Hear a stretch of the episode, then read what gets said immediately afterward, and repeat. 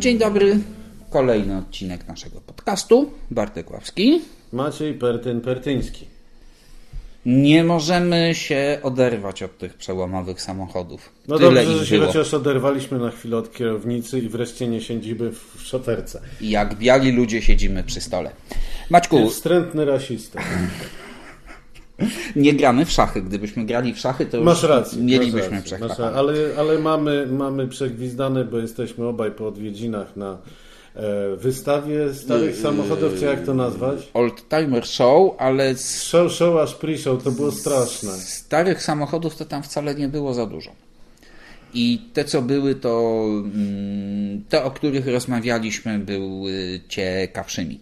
Owszem, owszem, właśnie, Ale- właśnie będąc tam się rozglądałem za takimi przełomowymi samochodami, ale no cóż, trudno uznać e, samochód z powrotu do przyszłości za jakiś straszny przełom.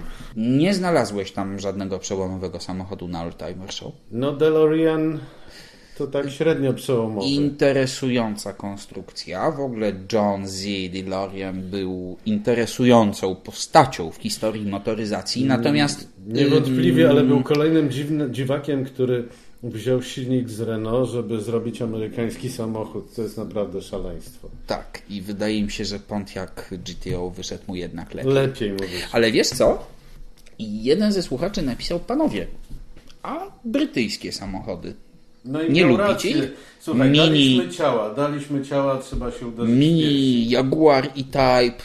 No, Mini z całą pewnością możemy do przełomowych samochodów zaliczyć. owszem.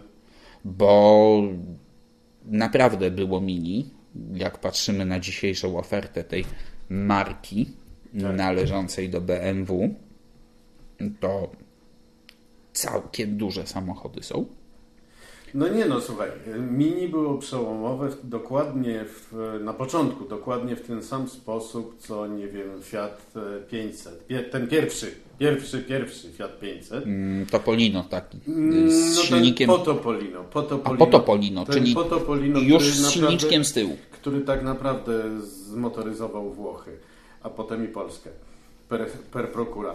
Ale, ale Mini było zupełnie przełomowe w tym sensie, że to był pierwszy samochód według cholernie nowoczesnych zasad konstrukcyjnych stworzony, mimo że był prymitywem straszliwym. Ale silnik w poprzek, napęd na koła przednie, Chłodnica nawet z boku dla oszczędności z boku Dla miejsca. oszczędności przestrzeni i w związku z tym na trzech metrach wygospodarowano tam tyle miejsca, co miały samochody 4,5 metrowe zwykle. Podobno mieściło się tam czterech panów w melonikach. Aczkolwiek nie wiadomo, co robili wtedy ze swoimi teczkami, bo do tego bagażniczka Ale przepraszam, ty chyba nie oglądałeś e, tych e, przełomowych filmów, w których różni studenci pokazywali, ilu naprawdę się tam ludzi mieści. Nie. Nie widziałeś? 21 sztuk weszło Do mini? do mini. Aha, ale. ym, Nie wiem ilu wyszło, nie wiem ilu wyszło, ale Nie, 21, tak, 21 sztuk osób, weszło. tak, tak. Aha, do mini. No. Dobra, i to takie mini było jednorazowe, bo co się załamało. Zapewne, zapewne. Mhm. Aczkolwiek nie, no słuchaj, nie powiesz mi, że tam się miało cokolwiek e, złamać, bo on nie miał sprężyn przecież, o czym ludzie nie mają zielonego Mhm. pojęcia. I dzięki temu, zresztą, najfajniejsze dla mnie mini to było mini dostawcze. Tak. Wydłużone, blaszak, ale za to z pięknymi podwójnymi drzwiczkami z tyłu. które- Portalowymi tak Tak, zwanymi. w których były takie malusieńkie, kwadratowe szybki, takie Słuchaj, jeździł? Jeździł. Jeździł. Był dostawczy w ten sam sposób co R4 był, we Francji po drugiej Tak. stronie wody? Był. był, Dawał radę. dawał radę. I jeszcze mniej rzeczy było do zepsucia się niż w R4. Jaguar E-Type z kolei No tutaj z przełomowością to bym polemizował, Właśnie, bo generalnie, generalnie może Jaguar tak, ale to w tym sensie, co jego twórca wymyślił, że mm, on wymyślił przecież, że można robić znakomite samochody, które będą tanie. O to właśnie chciałem powiedzieć, że to jedyna przełomowość E-Type'a. Ale E-Type'a, okej, dobrze, tak, bo rzeczywiście można było go kupić za jakieś śmieszne 3,5 pieniądze. zdaje się 3,5 tysiąca funtów bodajże, tak. tak. Bazowo, za Yy, trzech- Z tym, że nie, nie z tym sześciocylindrowy. V12. Nie, nie, nie, sześciocylindrowy, trzylitrowy, Tak. ale, ale mimo wszystko no, było to fajne auto, aczkolwiek z moich doświadczeń z samochodami sportowymi z wszelkich epok, to chyba jeden z najgorszych, jeden z trzech najgorszych, zarówno pod względem ergonomii, jak prowadzenia i osiągów. No, Ale za to jak on wygląda! Wyglądał właśnie, wyglądał bardzo fajnie. Co do prowadzenia, to wszyscy na to zawsze narzekali. Mhm. Y, Jeśli chodzi o osiągi, to chyba tylko ten, ten V12 rzeczywiście tam jeszcze jako tako sobie. To był samochód, którego się potwornie bałem, ponieważ ten V12 już naprawdę ciągnął, a biorąc pod uwagę własności jezdne tego urządzenia, to tam powinno być półtora litra z dużego Fiata. No tak mniej więcej. Ale zobacz, y, mówiliśmy o sportowych sedanach i rozgadaliśmy się na temat Mercedesów i uznaliśmy, że pierwszym takim naprawdę klasycznym sportowym sedanem to był 300 SL. No, to No. ty tak stwierdziłeś. A no to ja tak stwierdziłem. To teraz chyba się muszę w piersi uderzyć, bo chyba pierwszym sportowym sedanem był jednak Jaguar Mark II. Mark II. E, 3.8, czyli silnik z XK150. Ale, ale, ale, ale. Zdefiniuj w takim razie sportowy. Mm, Czy no. będzie w tym coś na temat własności jezdnych, trzymania się drogi w zakręcie na W przykład? zasadzie być powinno, natomiast brytyjskie samochody zawsze prowadziły się w sposób mm, mm, charak- Skandaliczny? charakter, charakterystyczny. No nie.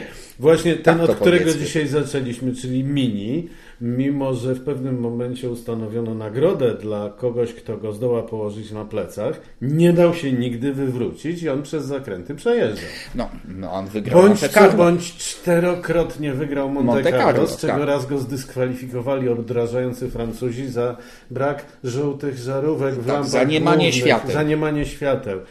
To było naprawdę coś. Dobrze, ale rzućmy już tę motoryzację brytyjską, No której... dlaczego Jensen FF?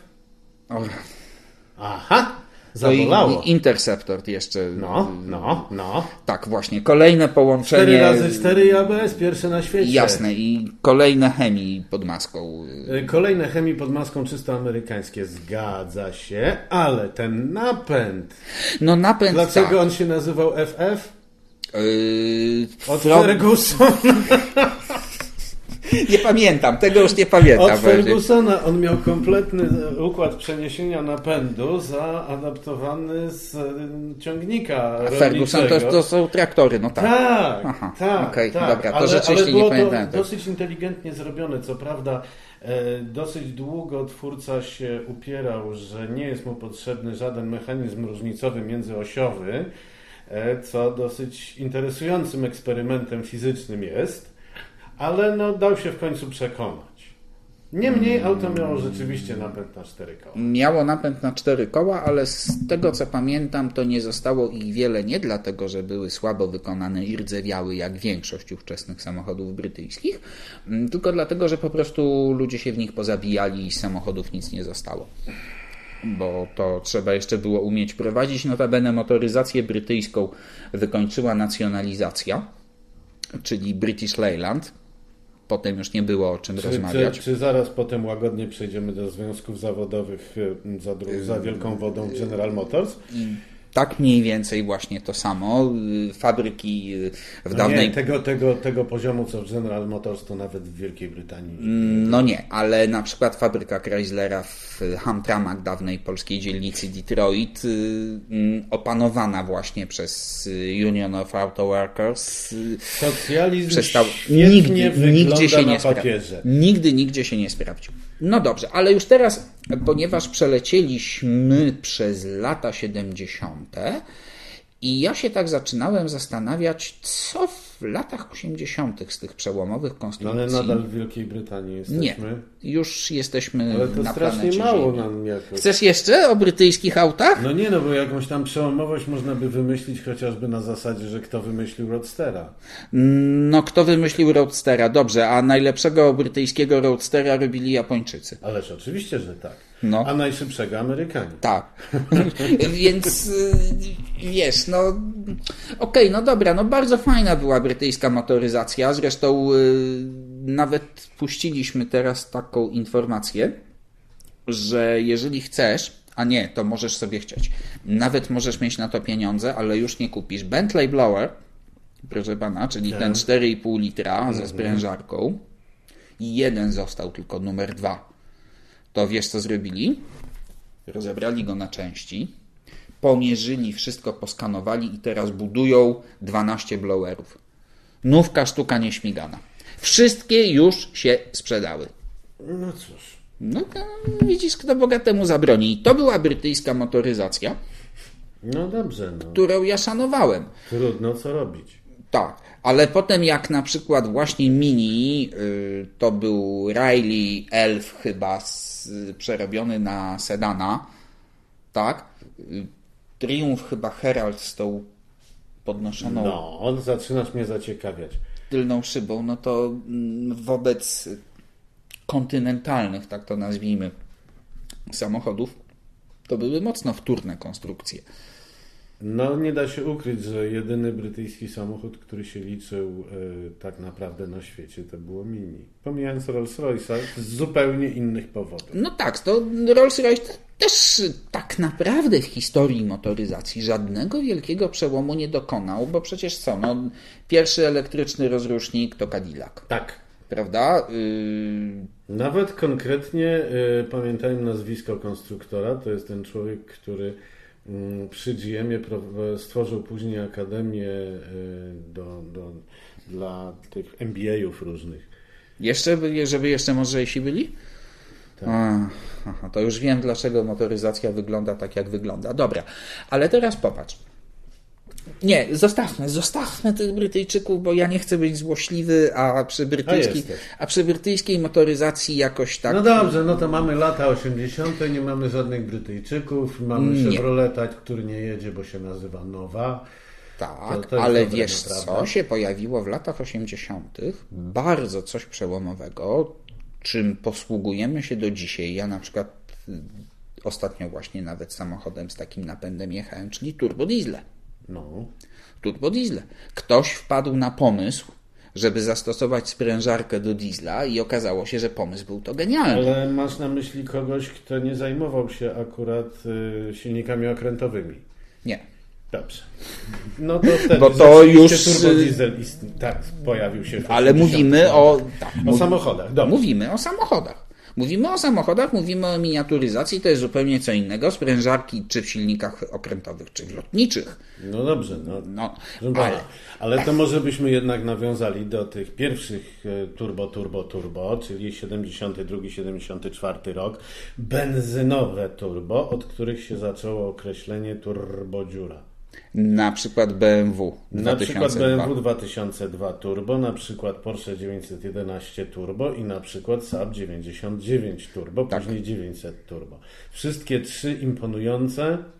Przede wszystkim tym, że jamów gaz, a on nic. y, 3000 obrotów I nagle nagle, bum! zaczynało kopać. Tak, Eksplozja. Tak ale ta, ta turbina Gareta to była wielkości talerza do zupy i zanim to się napędziło, to ho, ho. A nie, nie wpadli jeszcze na te łopatki o tak zwanej Z- zmiennej zmiennej geometrii geometrii. W związku z tak. tym tak, to było przeżycie. Ale zastosowanie tego w dieslu, który ma przecież wyższy moment obrotowy przy niższych obrotach, No, stanowiło, y, to był game changer. To, było to była zmiana wszystkiego na rynku samochodów innych niż amerykańskie. Tak, i Aczkolwiek chciałem zauważyć, że w 1973 roku Amerykanie po raz ostatni stworzyli swój całkiem nowy silnik wysokoprężny, ośmiocylindrowy. Cummingsa? Oczywiście 6.2? o pojemności 6.2, który później znalazł zastosowanie w Humvee, Na ale przykład. wtedy już dostał turbinę. Y, tak, no ale to była taka turbina mm, no, mm, ciśnienia, czołgowa, tak. Tak, a problem, o którym ty mówiłeś, y, y, turbodziury w tych pierwszych, wczesnych, benzynowych Aha. samochodach z turbiną, polegał na tym, że tam było duże ciśnienie do ładowania, pakowane od razu. Tak. Właśnie dopiero potem wynaleziono, i to ja nie wiem, czy tu musisz mnie poprawić, jeśli się mylę, bo ja nie wiem, czy pierwszym silnikiem właśnie z turbiną o zmiennej geometrii łopatek nie był turbodiesel. Ten z, BMW. Sześciocylindrowa rzędówka to się model nazywał. Bo, Prawie, tak, prawie na pewno.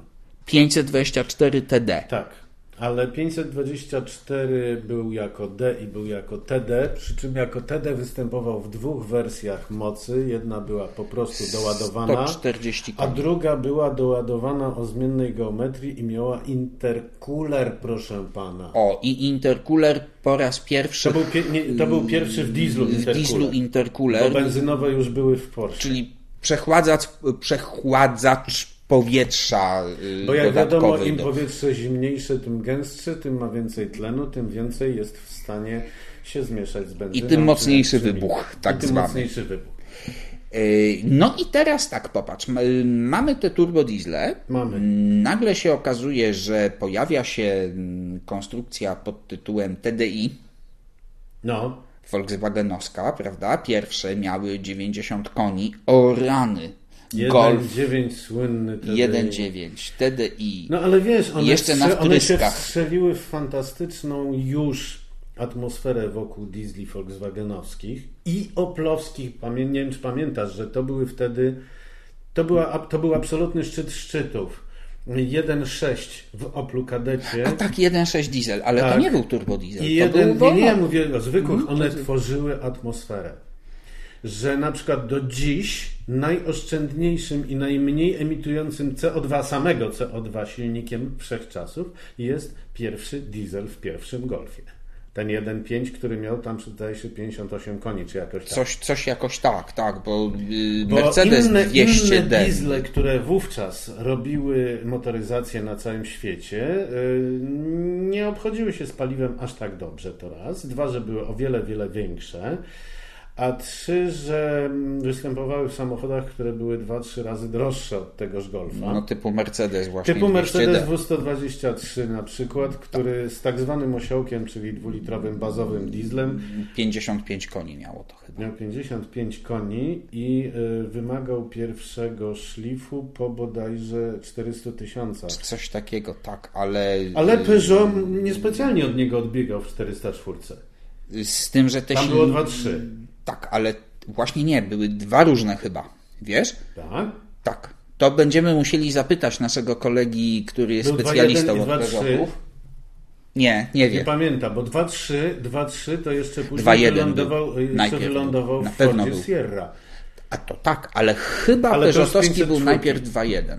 Wiesz, w Bardzo 404... możliwe, ale on nawet nie miał 50 koni, z tego co pamiętam, ten zupełnie pierwszy, natomiast e, szlifu nie wymagał chyba w ogóle.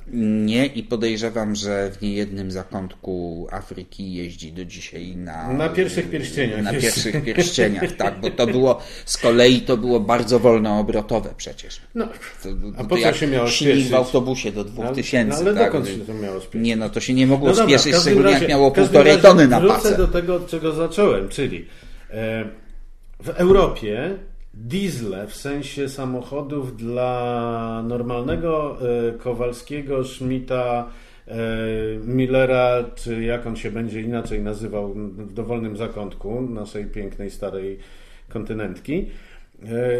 Diesle stworzył Volkswagen i diesle stworzył Opel. To były dwie marki, które upowszechniły diesla, ucywilizowały go. Bo diesle Mercedesa... Były taksówkami, oso- O to właśnie chodzi. Przecież pierwszy osobowy diesel był już przed wojną. Oczywiście, A to, że to, tak. I to akurat problemu nie 1936 było. roku tak. Mercedes Ale nikt Mercedesa, ale nikt Mercedesa z dieslem do własnego użytku nie kupował. Nigdy w życiu to nie się kupił. na taksówce sprawdzało świetnie. Aż tu Bo był nagle czas, żeby wtem- go podgrzać, Tak, żeby to tak, potem... tak. Aż tu nagle wtem pojawił się taki dieselek w Golfie, pojawił się taki dieselek w Oplu i nagle się zrobiła atmosfera, każdy chciał jeździć z takim dieslem.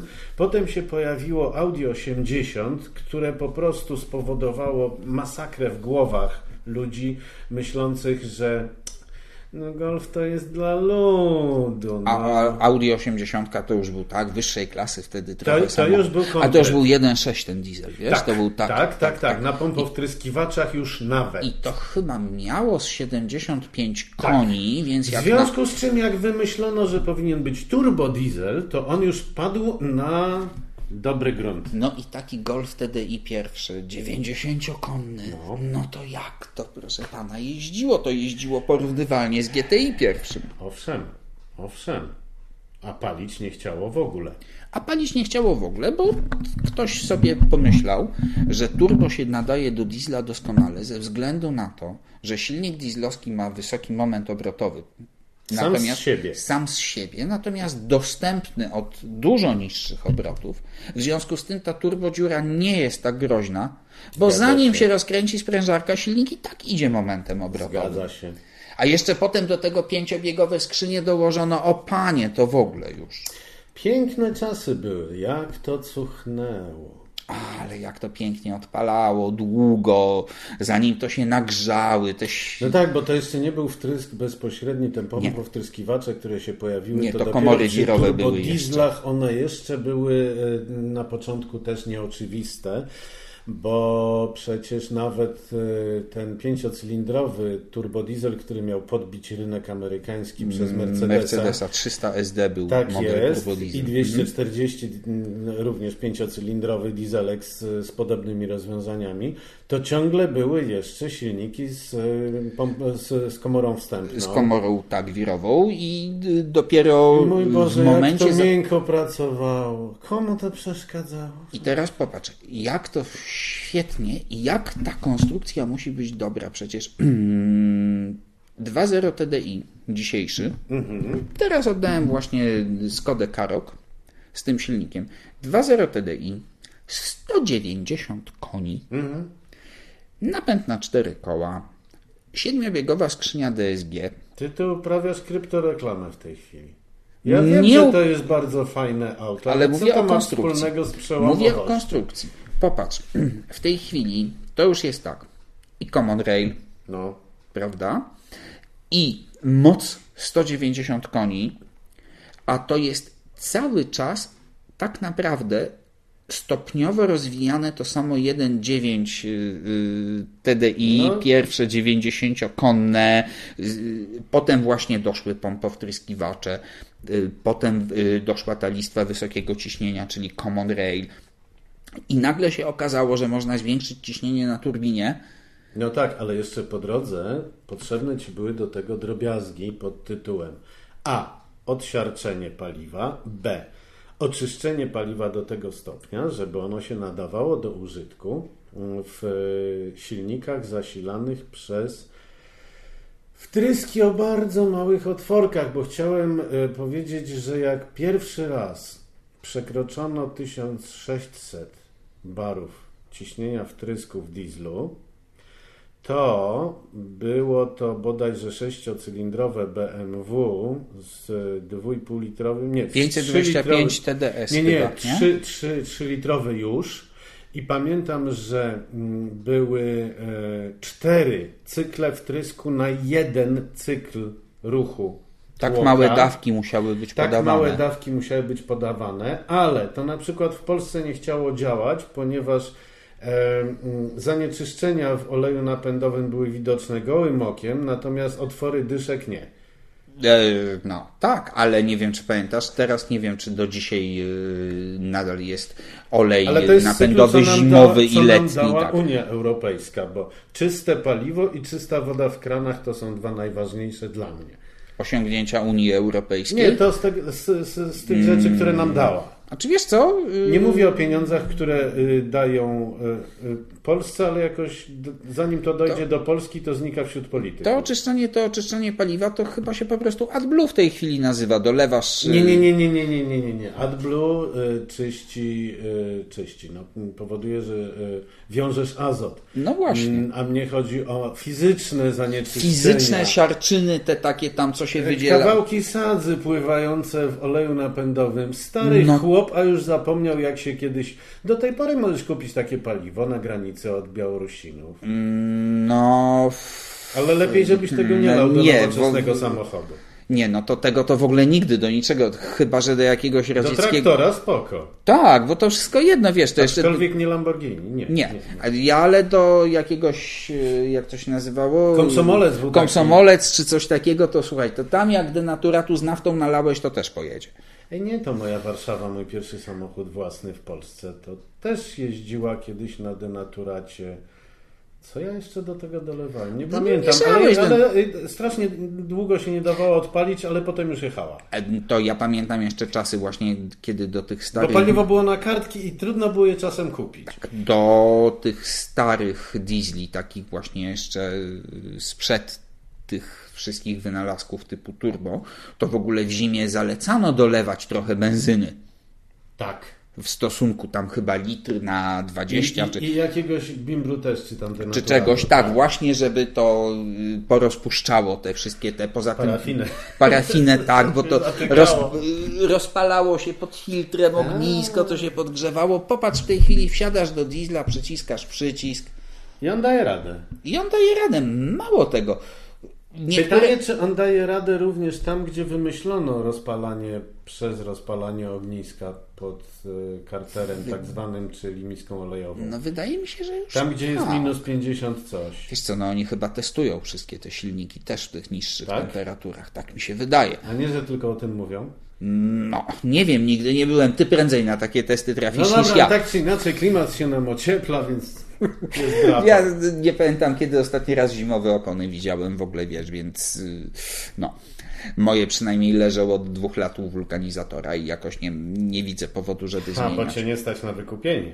Mm, Znaczy nie widzę potrzeby, żeby je zmieniać w ogóle ostatnio. Jak temperatura, nie pamiętam kiedy ostatni raz tak naprawdę spadła poniżej zera. Mm, Dobrze, i teraz tak. Wchodzimy w XXI wiek O kurczę. I w Ale nie mieliśmy nic więcej przełomowego poza turbodieslami? w latach 80. Człowieku, przecież wtedy się zaczęła elektronika. wtedy się zaczęły wtryski. Wtedy się zaczęła elektronika. To Bądź co prawda. bądź w połowie lat 80. się dopiero pojawił e, rozpowszechniony w miarę ABS, bo wcześniej on był, Mm, był w prosty, pełni mechaniczny. był mechaniczny, prosty, właśnie zresztą w Mercedesach S-klasach. No dobrze, to przechodzimy do kwestii związanych z bezpieczeństwem i tutaj rzeczywiście mm, koniec XX wieku to było całe mnóstwo rozwiązań, których używamy do dzisiaj, czyli No tak, ale to się zaczęło nie od tego, że rozwiązania się pojawiły, tylko od tego, że się upowszechniły. Że w 1995 roku powstało coś takiego jak europejski e, program EuroNCAP. New Car Assessment Program Tak, tak, oceny nowych, nowych samochodów, samochodów. pod kątem bezpieczeństwa. Czyli to są te gwiazdki tak zwane. Tak, czyli zaczęło się od tego, że ktoś zaczął to wymuszać na producentach, a mieliśmy do tej pory e, no, różne różności, bo jak samochód był testowany tylko fabrycznie, to nikt nie wiedział, jak on będzie się zachowywał jak- w innych warunkach. wszystkie się rozbija w takich samych kontrolowanych warunkach w ten sam sposób, no to przynajmniej To jest jest, skala porównawcza. Mm, No i zobacz, czym to zaowocowało. Zaowoco- Zaowocowało to na przykład rozwiązaniem wzmocnie, wzmocnienia najsłabszych części, czyli y, boku, No. odporności na uderzenia boczne, czyli Volvo z No, systemem SIPS. SIPS, tak, Side Impact Protection System. No ale SIPS powstał e, przecież jeszcze pod koniec lat 80. Tak. Yy, połączenie z aktywnymi zagłówkami to też Volvo, czyli tymi, które Bardzo prosta dźwignia. Jak Bardzo prosta ciało, to e, tak, głowa leci do tyłu, a zagłówek powstrzymuje dzięki temu uraz kręgosłupa szyjnego. Mm, a be- Który notabene odpowiada za ponad 80% absencji w pracy ludzi, którzy mieli wypadek, wypadek. I dlatego właśnie wszystkim po jakimkolwiek zderzeniu z y, Jest tym zakładem jest od razu kołnierz Tak. okładany. i- Znaczy teraz już nie musi być dzięki aktywnym zagłówkom. Właśnie. Natomiast warto przy okazji wspomnieć o tym, e, skąd się wzięło aż tyle rozwiązań e, wspierających na przykład manewrowanie. Takich jak e, czy czujniki parkowania, czy kamery cofania, ponieważ e, najwięcej pieniędzy tracą i właściciele samochodów, i ubezpieczyciele przez mikro te najdrobniejsze. Parkingowe. Ale patrz, Amerykanie to załatwili, słuchaj, yy, gdzieś w połowie lat 70., wprowadzając te zderzaki na tych teleskopach, które każde uderzenie do 5 mil prędkości musiały wytrzymać. I, No tak, ale z kolei jak e, tym zderzakiem był trącony nie inny samochód, tylko ktoś jakiś inny, to już nie było tak wesoło. no tak, ale Amerykanów. one, one były testowane tylko zderzak w zderzak, Tak. a nie zderzak w bok samochodu, Albo zderzak w człowieka, albo ale zderzak w człowieka. Amerykanów jest dużo, cały czas wiesz, tam ci nielegalni imigranci napływają, oni się tak z tym bezpieczeństwem pieszych nigdy nie liczyli, notabene nie liczą się do dzisiaj, bo amerykańskie samochody mają najgorsze y, nadal oceny przy zderzeniu z pieszym, nawet według tamtejszych norm. Popatrz, że to jest prześmieszne, bo europejska norma, czyli właśnie NCAP, nie uwzględnia najechania na tył na przykład. Amerykanie uwzględniają. Ale zderzenie z pieszym, które jest jednym z podstawowych w tej chwili warunków y, udzielenia jakiejś dobrej oceny w NCAP-ie, w Stanach to w ogóle na to ręką machają cały czas, robią te wielkie, potężne, te grille, przecież to człowiek się rozmazuje. Ale o to jest bardzo humanitarne. Prawda? Bo nie, Nie męczy się. zostawia kalek. No nie. No już i tyle. No. Więc to, to, mówię, ich jest dużo, wiesz, to jeden więcej, jeden mniej, to no.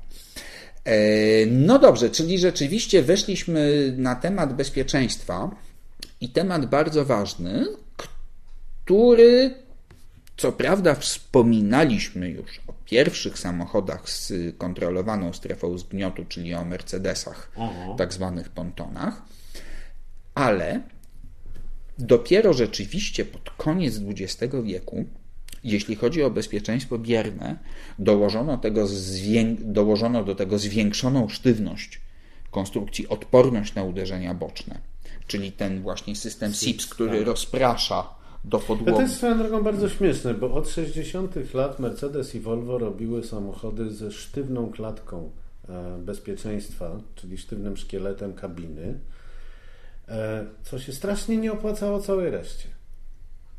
No okej, jak Saab zaczął się liczyć jako tako, jako samochód co najmniej europejski, też to robił.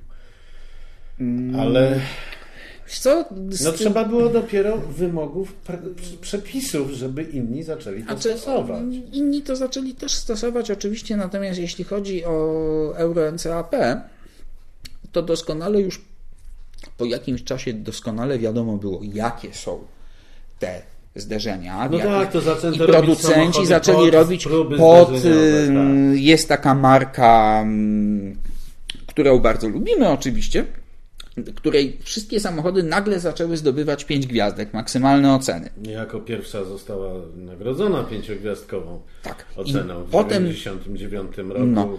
Trzeciej fazie produkcji modelu.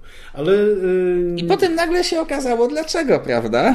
Boże. Bo to doskonale wiadomo, jak wygląda takie zderzenie i przygotować samochód No, spawy ale, ale wszystkie. wiesz, to tak czy inaczej erozja prawa e, w tym przypadku przypadła na Mercedesa.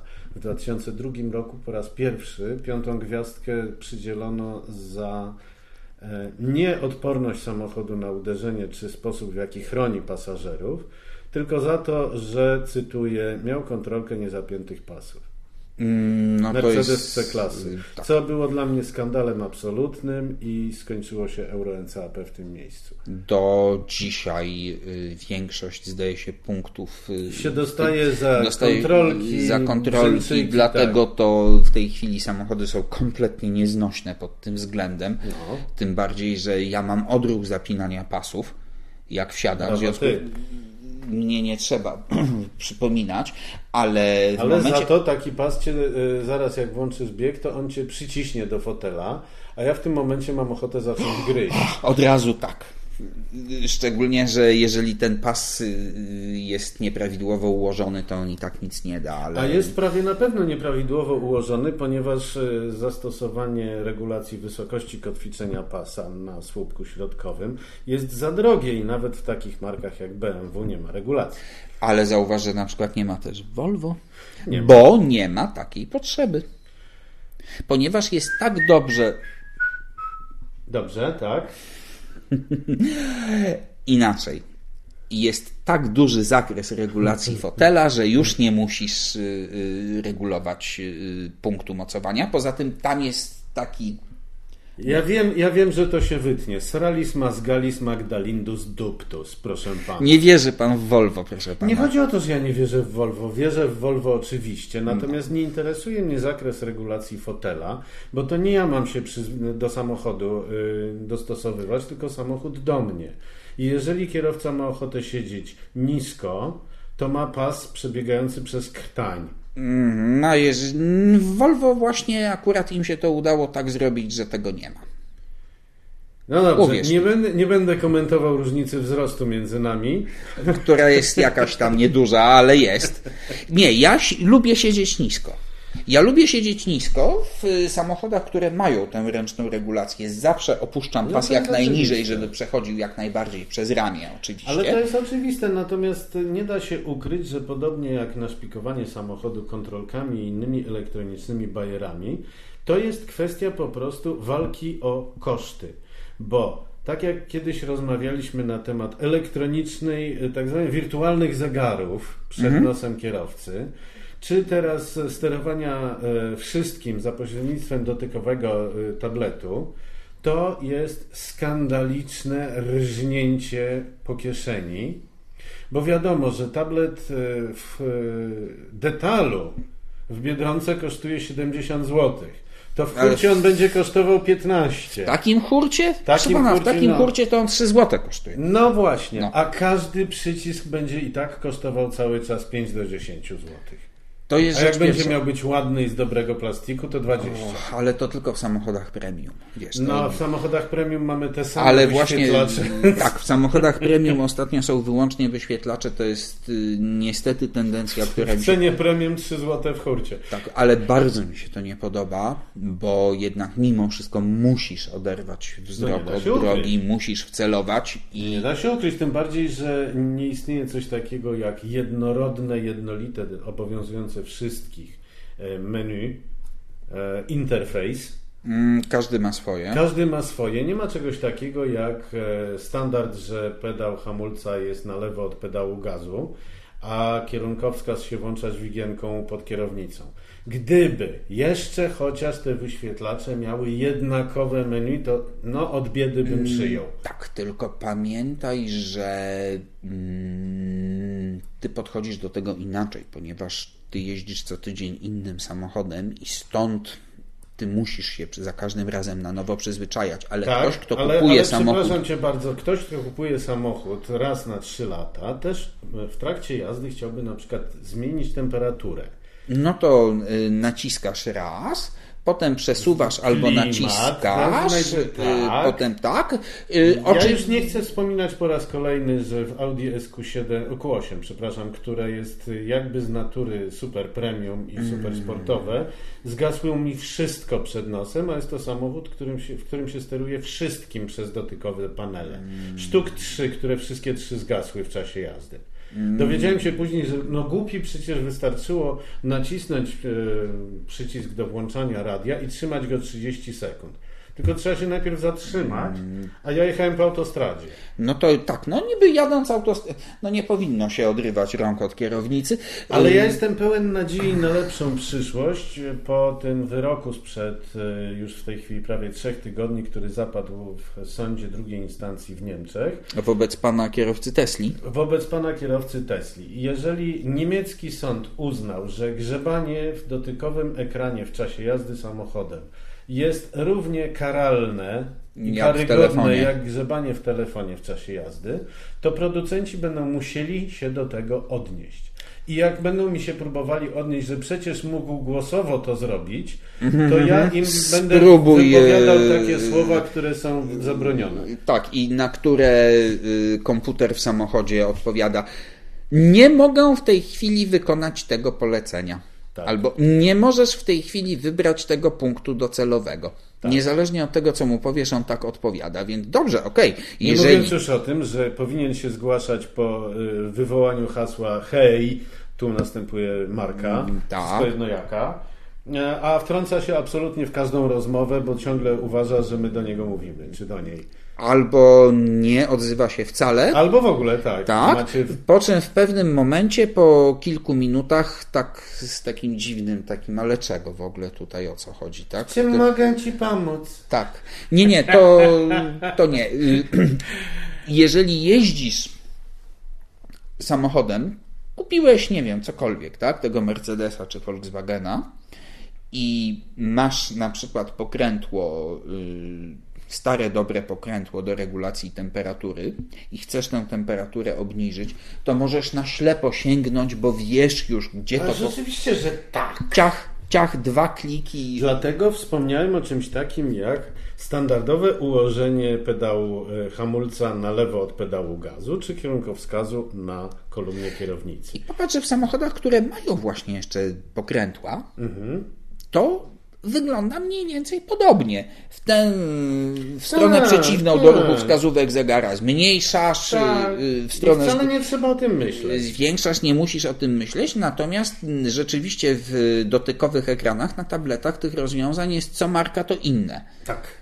I jeszcze przesuwasz i no dobrze, no A ale część z nich jest niedostępna w czasie jazdy, albo część z nich jest dostępna tylko po wybraniu innego trybu. albo tylko właśnie na polecenie głosowe, żeby Tak było jest. bezpieczniej. Tak jest. I jeszcze do tego dochodzą brednie w rodzaju sterowanie gestami. Mm, Sterowanie gestami, wiesz co, na przykład y, to w Volkswagenie to przydaje mi się tylko do przewijania utworu. Machnę i idzie mi do następnego. Znaczy, ja dostawałem cholery ostatnio jeżdżąc BMW, bo jak y, zmieniałem kolejność utworów, czy przesuwałem do następnego, używając e, innej metody, a są inne metody, bo można z kierownicy, można z pułapu centralnego wyświetlacza, można również przyciskiem fizycznym, prawdziwym przyciskiem na konsoli środkowej, O. ale to nie ma najmniejszego znaczenia, bo jak użyjesz którejś z tych metod, to na ekranie e, konsoli środkowej, tam gdzie jest wyświetlane to, czego ty akurat teraz chcesz słuchać, To znika wszystko i pojawia się komunikat, że masz to robić gestem. I nie wiesz, co włączyłeś następnego, to już zaczyna grać, a zupełnie nie miałeś na to ochoty. Chciałeś Bo zupełnie to co przez innego 3 mieć. Aha. sekundy zasłania cały ekran. Aha, i, czyli nie możesz tego wyboru potwierdzić Nie, swojego nie, nawet. nie, nie. Aha, to nie, to jest to, no więc właśnie, czyli to jest przełom jakiś, rzeczywiście. Mm, Tyle tylko, że większość z tych rzeczy, o których rozmawialiśmy przez ostatnie odcinki, to były rzeczywiście rozwiązania przełomowe, ale moim zdaniem pozytywne. A ten chyba jest negatywny. Zdecydowanie.